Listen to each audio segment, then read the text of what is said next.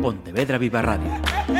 Cara a cara. Damas y caballeros, la Asociación de Directores de Informativos de Radio y Televisión da la bienvenida a Mabel Lozano. Hola Marisa, ¿cómo estás?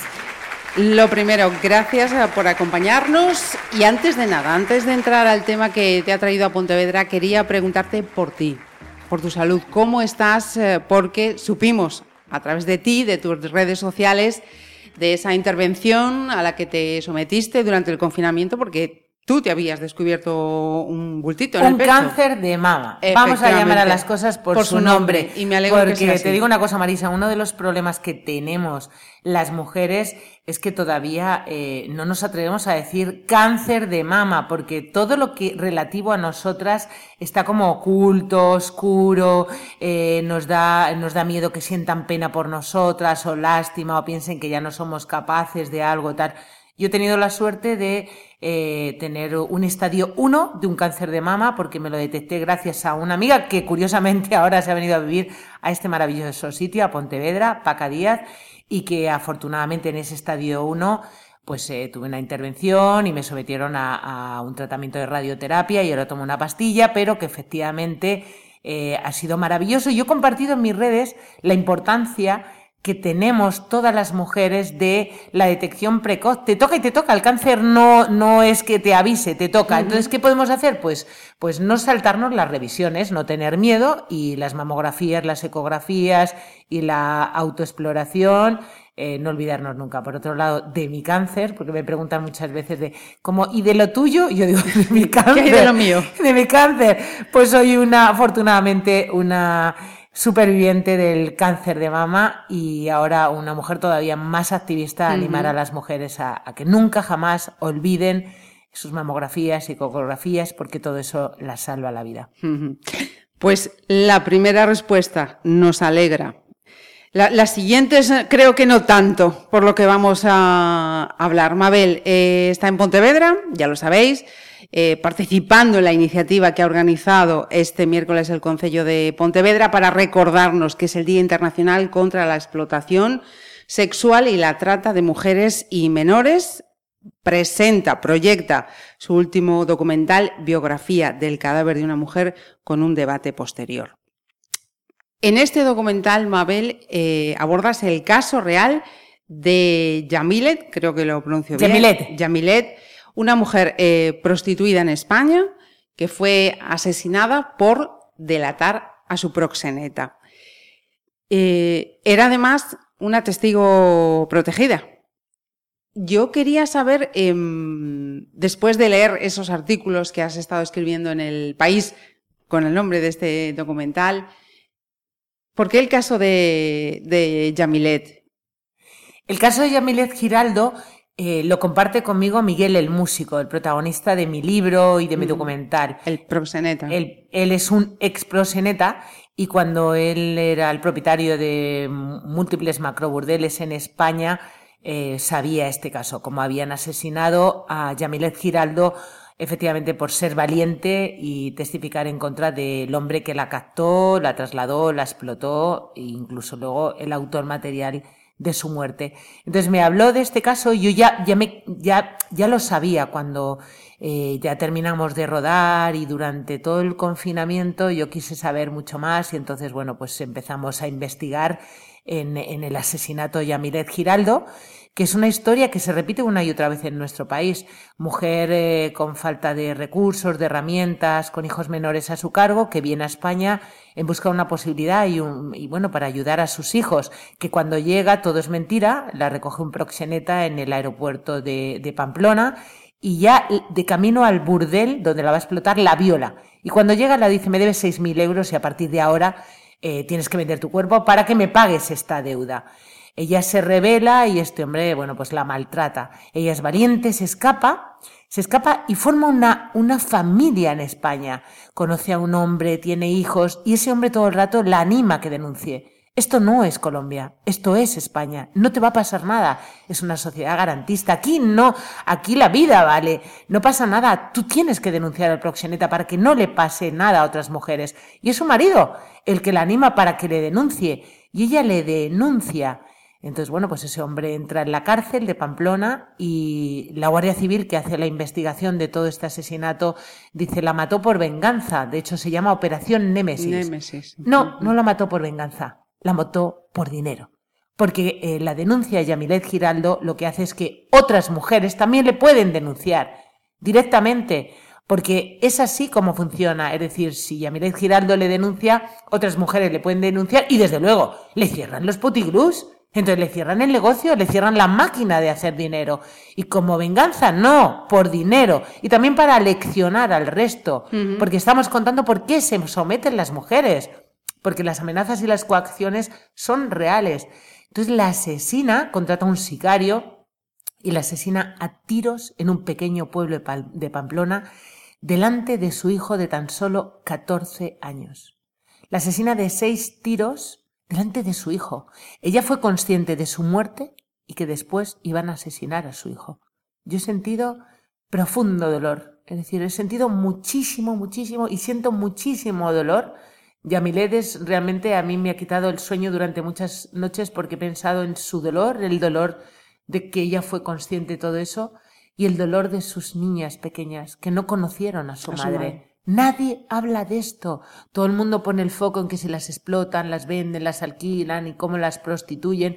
Y nadie pone el foco en los asesinatos y la impunidad con la que se comete y sus niños, sus hijos. Es decir, es que a través de esta, de esta investigación, eh, también, claro, he investigado muchos otros asesinatos de mujeres en situación de prostitución que no aparecen sus nombres por ningún lado por ningún lado. Fíjate, esta es una anécdota que yo me he imaginado. Cuando los judíos entraban en los campos de, concentración, los nazis lo primero que hacían era quitarles el nombre, ponerles un número, porque eso te deshumaniza. Lo primero que hacen nuestros padres para humanizarnos es ponernos un nombre. A todas estas mujeres les han quitado el nombre. Tus compañeros, los medios de comunicación, mi querida Marisa, dicen prostituta batida a tiras, prostituta asesinada, se ha encontrado en un basurero una prostituta. ¿Cómo una prostituta? ¿Una víctima de trata? ¿Una mujer prostituida? ¿Cómo se llama? Nunca jamás les ponen los nombres. Entonces, en mi caso también es un homenaje a todas estas mujeres, en concreto 44 desde el año 2000. ¿Lo recuerdas en esos artículos del país que mm, por cierto, hemos querido terminar esta charla que estamos eh, manteniendo con un relato llevado a la radio de uno de tus eh, artículos, para que los que estáis escuchando eh, entendáis y os hagáis, pues yo creo que una ínfima, ínfima idea de, de lo que nos estás tratando y de lo que están viviendo estas mujeres. Mira, em, Actualmente estos asesinatos, estas muertes violentas están calificadas como violencia de género, pero aparte de una denominación, ¿hay algún tipo de diferencia para ellas? No, no, no. Es que eso, esto que acabas de decir, por desgracia, es solo, solo sobre el papel. El papel siempre lo aguanta todo. Pero la realidad es que en el 2009 ya se dijo que la prostitución, la trata era violencia de género, pero nunca jamás ha estado en el mismo plano que los asesinatos de mujeres eh, en el ámbito de pareja o pareja. Nunca. Ni ellas ni, ni, ni sus hijos. De hecho, eh, se investiga un asesinato de una mujer prostituida como cualquier otro homicidio. Si por el camino se encuentran eh, todo el tema de una trama de, de, de proxenetas, de mafiosos, pero vale, pero no lo investigan específicamente. Y fíjate, Marisa, que hasta el 2018 la Delegación de Gobierno de Violencia de Género ni siquiera contabilizaba estos asesinatos.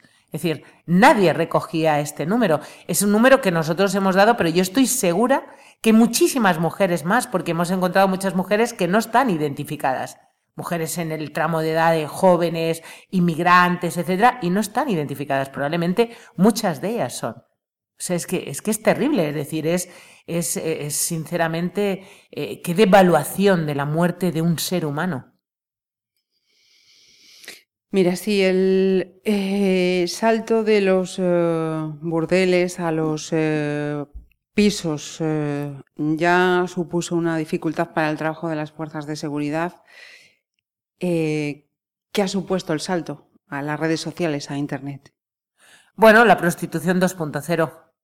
Yo lo estoy contando ahora continuamente. Es decir, yo tengo claro que tengo que migrar tengo que empezar a caminar a las fronteras digitales. Es ahí donde tengo que, que, trabajar para rescatar a las mujeres y a las niñas de esta forma tan nueva de explotación, de explotación extrema de un ser humano. Sin más es porque, bueno, pues los proxenetas están utilizando las redes, están utilizando la tecnología 2.0 para también explotar a las mujeres en este momento que ellas no pueden estar ni en calle ni en, ni en, ni en burdeles, ni, pues están migrando a, bueno, pues a recibir a esos prostituyentes a través de pues redes como OnlyFans o, o WhatsApp o desde luego la pornografía en vivo, la prostitución 2.0 a través de las webcam, las chicas sexcam. Entonces, bueno, pues ese es el presente y ese es el futuro que además yo ya estoy contando porque en septiembre sale mi nuevo libro que se llama Porno Explotación, que hemos hecho una investigación sobre, sobre todo esto. ¿Qué consecuencias? Porque hablabas antes de que en los medios de comunicación eh, no le ponemos nombres a estas mujeres. Pero es que durante todo este tiempo que llevamos, desde que nos eh, confinaron desde marzo, hemos hablado mm, de infinidad de profesiones, de situaciones laborales.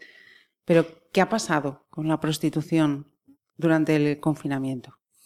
Bueno, pues eh, los burdeles, como están eh, puerta calle, la mayoría en las afueras de las ciudades, pero efectivamente las fuerzas y cuerpos de, de, seguridad del Estado pueden acceder, los han tenido que cerrar pero eso no quiere decir que, se cerró la explotación humana, no, simplemente se trasladó de lugar a los pisos más recónditos donde están a nombres de particulares y las fuerzas y cuerpos de seguridad del Estado no pueden entrar. Entonces fue una migración tanto a las fronteras digitales como a esos pisos, porque el demandante sexo de pago ha seguido ha seguido demandando a esas mujeres, ha seguido burlando el confinamiento de su hogar, de la policía y ha acudido a esos pisos. Y la mujer ha estado con el proxeneta y no le ha quedado de otra. O la mujer sin más tiene a sus hijos en el país de origen, porque cuando hablamos de prostitución hablamos de si quieren, no quieren, dejan de querer, que si regulamos, que si abolimos, pero si hablamos de la explotación humana, si hablamos de personas que no tienen otra elección, que es que tengo que mandar 10 dólares, 10 dólares a mis hijos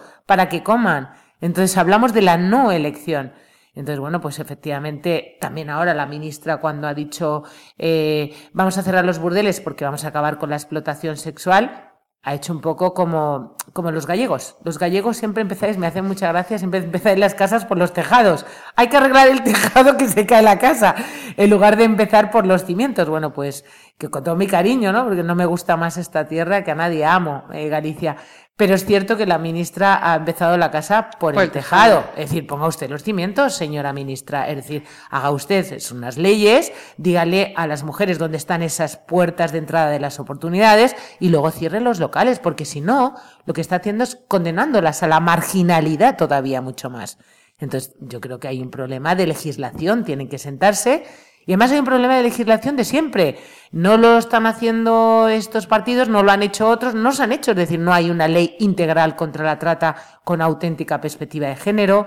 No todas las caras del proxenetismo están condenadas, como por ejemplo el proxenetismo consentido. Hemos empezado, Marisa, tú has empezado diciendo, eh, hablando de eh, Yamilet como una testigo protegida. Pues es una raya del agua. Es una raya en el agua. ¿Cómo protegió Yamilet, eh, el Estado, nuestro Estado, nuestro gobierno a Yamilet. No fue capaz de protegerla. Luego para cerrar, eh, me quedé con otra, con otra mujer que también estaba protegida, pero... Leticia. Lo, lo, dejamos porque es, es, es vamos. Si alguien termina este programa sin que se le, ponga la piel vuelta, eh, que se lo haga, que se lo haga mirar. Yo te preguntaba por el confinamiento y exactamente por la situación de estas mujeres, porque tú me decías, eh, el caso de Yamilet, ¿no? Llega el primer día violada y ya me debes 6.000 euros. Si, si estas mujeres eh, en esta situación no han, no han tenido esos ingresos, me imagino que... Que se ha apuntado todo a su deuda. claro, claro. O sea, se ha apuntado todo. Claro, ha, habido, yo creo que en la prensa ha salido de todo. Ha, habido burdeles que los proxenetas han cerrado con candado y han abandonado a su suerte a las mujeres, con lo cual han pasado literal hambre, porque no han tenido nada, nada. Es decir, cuando han podido salir las asociaciones, lo que las mujeres le han pedido es comida. Traigan no comida porque tienen hambre.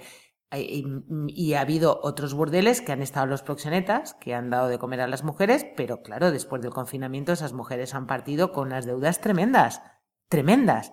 Entonces, bueno, pues estamos hablando de una situación, insisto, de máxima vulnerabilidad y una marginalidad tremenda. Eh, ¿Hasta qué punto se ha vuelto Mabel Lozano una mujer eh, incómoda? no lo sé, dímelo tú, que me tienes enfrente. Yo soy incómoda, bueno, depende para quién, supongo que para los proxenetas, eh, muy incómoda, eh, para las mujeres menos, eso es algo que, que yo ni me pregunto, o sea, realmente, fíjate, yo tengo hijos de, 18, de 19, acaban de cumplir 19 años, y pienso, ¿qué mundo es en el que yo quiero que vivan mis hijos? Es decir, les exijo un compromiso a ellos también, que sean corresponsables con el mundo que vivimos, pero también es como, como de repente yo a veces voy con mis hijos por la carretera y, nos encontramos las luces de neón y me dicen, pero a ver, mamá, ¿no dices que detrás de ahí hay un delito, hay explotación? ¿Y, por qué siguen abiertos? Y es cierto. ¿Qué les dices? Es decir, y, y, ven en las octavillas que nos ponen en los parabrisas del coche cuando aparcamos en determinados sitios, ¿qué les dices? Es decir, eh, me estás contando, mamá, que todo el rato, todo el rato piensas y dices y crees que ahí hay violación, que hay delito, que hay vulneración de derechos humanos, pero ¿cómo es posible que sigan abiertos? Claro, no dan crédito. Entonces, a mí me preocupa más eso que el ser o no ser incómodo, porque efectivamente eh, a los malos no se les respeta, pero se les teme. Entonces, pues nadie les señala, pero yo creo que es un momento muy bueno para que empecemos a señalar a los malos, que pongamos eh, frente a la prostitución, a la trata, a la explotación humana, tanto a los proxenetas como a los prostituyentes, que les pongamos voz, cara, eh, que, reprobemos todo eso, porque si no, efectivamente, se salen con la suya. También ha relatado algún caso concreto con nombre y apellidos de, de menores explotadas, que ya mm, nos vamos ya a rizar el rizo, ¿no? Bueno, es que, es que es terrible, o sea, menores, niñas en muchos casos, pero es que hay muchísimas menores que entran a nuestro país, eh, sobre todo mujeres nigerianas, que empiezan a caminar cuando tienen 13 y 14 años y entran a nuestro país, son violadas, vejadas, pero sobre todo, vamos a revertir esto, son compradas, compradas cada noche por hombres que a veces tienen hijas de esa edad, nietas de esa edad, y las compran cada noche y demandan eso demandan niñas. Entonces, se captan niñas porque se demandan niñas. Y, ese es el problema. Entonces, tenemos que poner el foco en ellos, tenemos que poner el foco en ellos y señalarlos y también agarrar de la mano a tantísimos hombres comprometidos como están en nuestro, en nuestro lado, denunciando una y otra vez esto. Y eso es lo más importante. ¿Me vas a permitir que te pregunte por esa camiseta que llevas? Llevo una camiseta que, pone El porno mata el amor, que he creado eh, junto a, las maravillosas Animosas. Animosa es una firma eh, gallega creado por mujeres gallegas, mujeres comprometidas, maravillosas, lideresas, o sea, empoderadas, que han montado su propia marca. Y hemos hecho esta acción conjunta para eh, bueno, pues para, para señalar algo que, que, estamos viendo ahora mismo en todos los días en la prensa, lo pornificada que está nuestra sociedad. Eh, la pornografía no está regulada, estamos viendo que chavales con 8, 9, 10 años están acudiendo... El informe de Save the sí, de ayer, 7 de cada 10 comienzan a los 12 años. Pero es normal. Y, se, convierte, y se convierte además en su patrón de comportamiento sexual. Su escuela, su escuela de la sexualidad. Pero pregúntate por qué. Porque en nuestro país, que somos todavía muy poderosos, no se habla en los entornos familiares de relaciones afectivos sexuales sanas, igualitarias. No se trata de prohibir, se trata de crear un pensamiento crítico para que los chavales puedan llegar y saber que eso no tiene nada que ver con la sexualidad. La sexualidad es que ella quiera, ella también te desea, sea una cosa compartida, democrática, etcétera. Entonces estamos viendo que los chavales tienen mucha curiosidad y a los 8, 9, 10 años buscan en internet culo, tetas, una cosa muy normal. Y están llegando a las grandes plataformas eh, del porno, como la americana Porno App, con 300 millones de personas que entran cada día y están llegando a unos contenidos que son brutales para ellos. Entonces, es una escuela terrible. Y entonces, efectivamente, hay un problema de educación de base incluso en los, en los entornos familiares. Entonces, con, con, esta camiseta, el porno mata un amor, que, lo podéis, que la podéis encontrar en, Animosa. Es una acción solidaria 100% de estas maravillosas mujeres gallegas eh, para, bueno, pues para ayudar a la, a la asociación Dale una vuelta que trabaja con chicos muy jóvenes enganchados a la pornografía, porque nadie habla del impacto que tiene la pornografía en esos chicos tan jóvenes. Tan bestia como la cocaína, es decir, genera serotonina, están enganchados, empiezan con tres minutos y finalmente se destrozan la vida, porque cada vez necesitan más. Y cada vez necesitan contenidos incluso más, más fuertes, más duros. Vemos que hombres heterosexuales acaban consumiendo porno eh, eh, gay porque es muchísimo más duro y más fuerte. Entonces es una manera, bueno, pues, pues de visualizar y también una llamada de atención a los, a los educadores. Cuidado con los niños. Hay una cosa que se llama PIN parental para que uno pueda, eh, bueno, pues capar cosas que, contenidos que no son buenos para ellos en su educación. Y esto que es una moralidad no tiene nada que ver con la moralidad, porque la sexualidad es una cosa preciosa y el sexo no tiene nada que ver con el sometimiento, ni tiene nada que ver con el poder, sino con el placer y el placer compartido. Y eso es lo que estamos contando.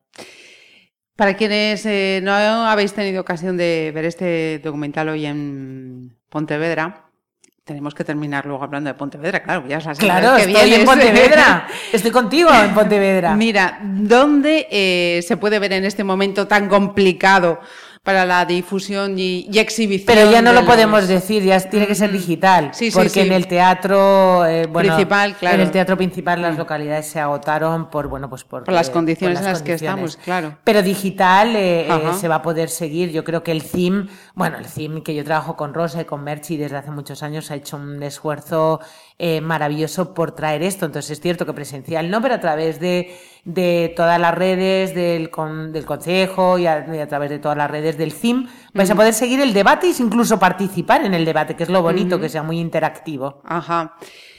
Eh, por si acaso estáis escuchando esto en el podcast, que no lo estáis eh, escuchando en el streaming, eh, ¿hay alguna plataforma más donde va a estar el documental o que está el documental? No, el documental no, porque el documental, pero el documental es el estreno mundial mundialísimo hoy en Pontevedra y solo eh, eh, se va a poder ver en este momento en las personas que estén porque está en muchos festivales de cine. Sí. Estrenar, fíjate, curiosamente estrenamos el 8 de marzo, pero nos confinamos, ahora nos hemos desconfinado y es un documental que está en, en, pero bueno, ahora mismo en semanas estamos ya en 19 selecciones de festivales.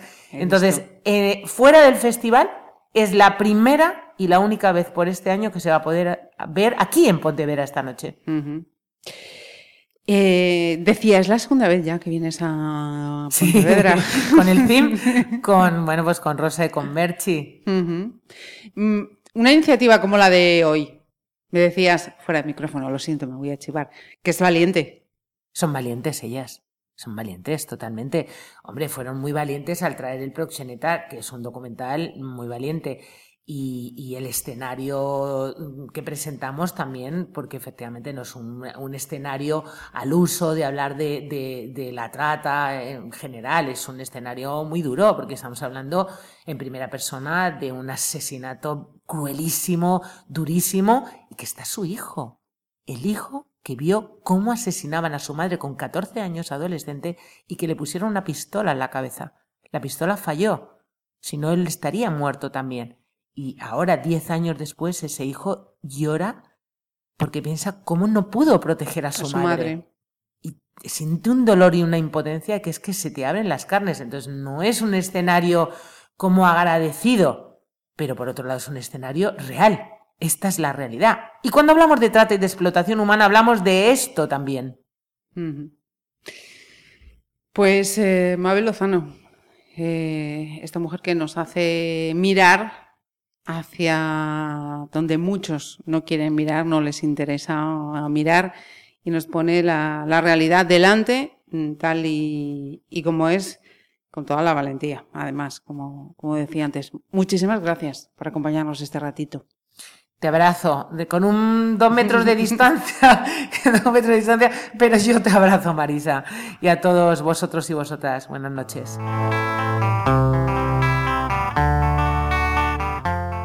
Lo que vais a escuchar para terminar este cara a cara de Pontevedra Viva Radio es el artículo casi íntegro que Mabel Lozano escribió el pasado 30 de julio para El País.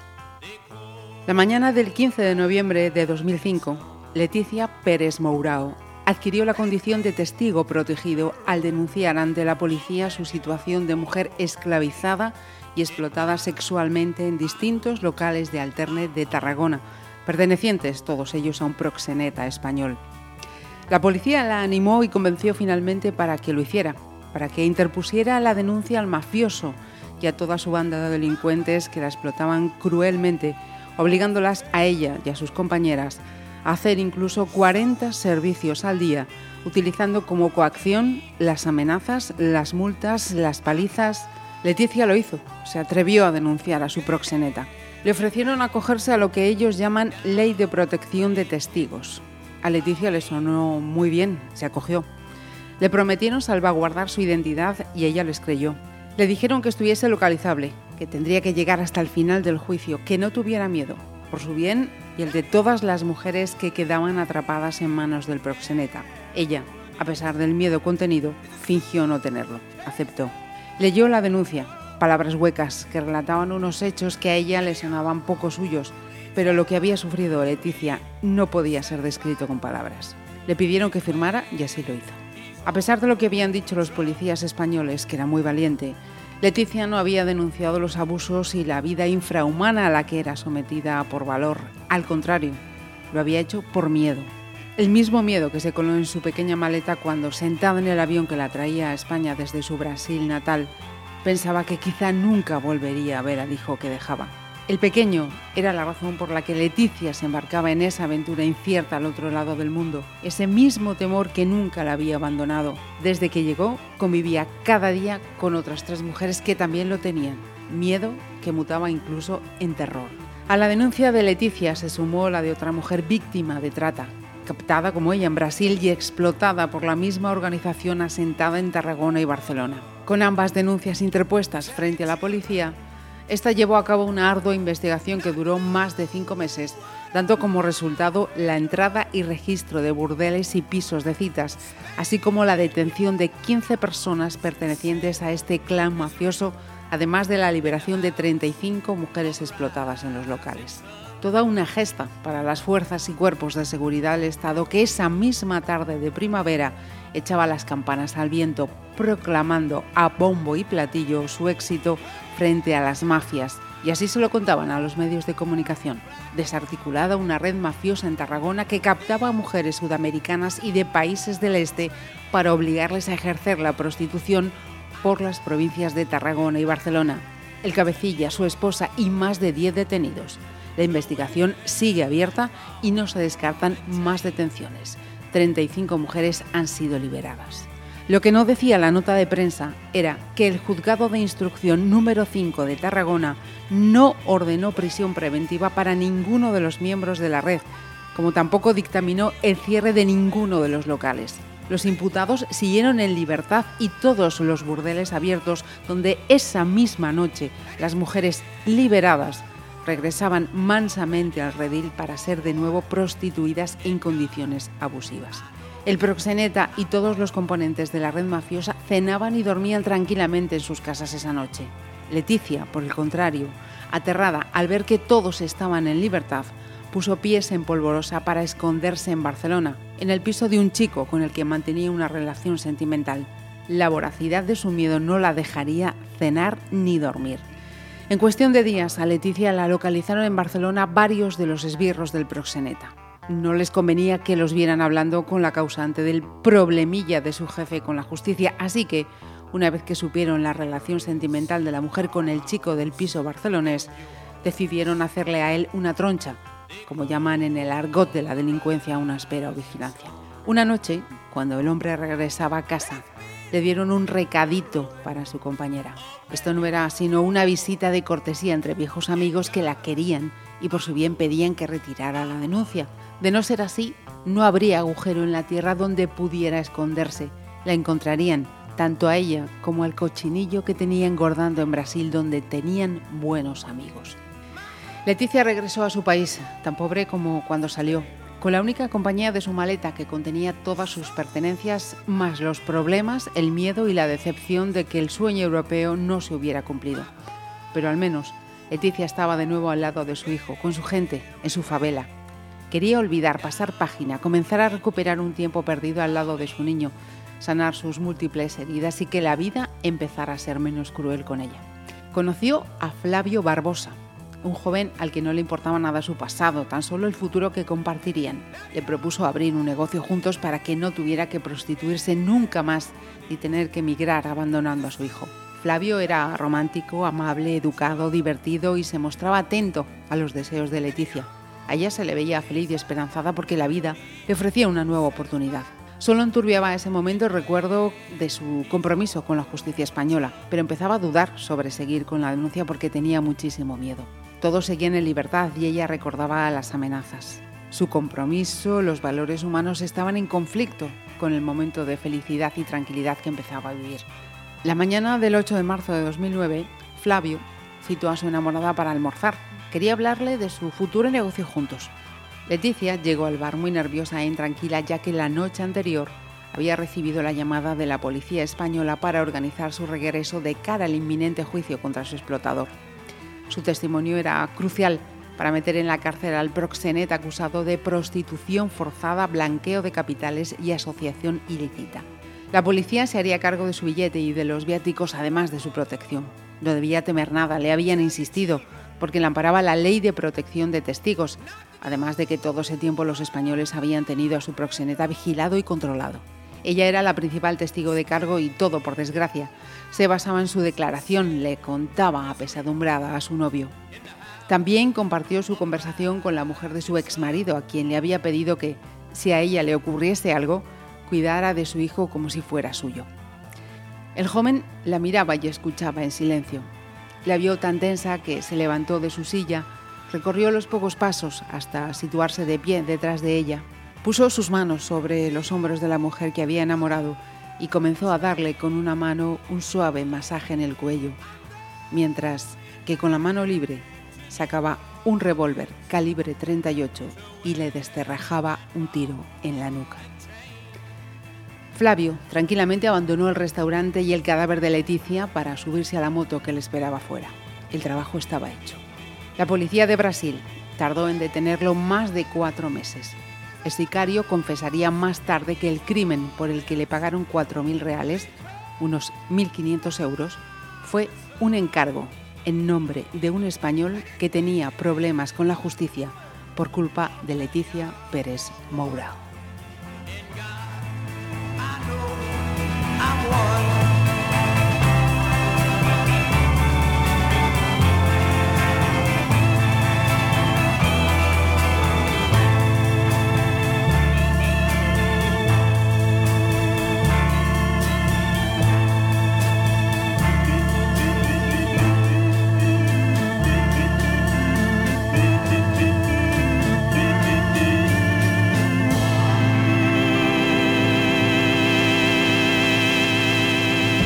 Pontevedra Viva Radio. ¿Me permiten que les haga un comentario como espectadores del programa Cara a Cara? Según un reciente sondeo de mercado, ustedes disponen de estudios e inteligencias superiores a la media. Sus intereses abarcan desde la actualidad mundial y la ciencia hasta el deporte y los espectáculos.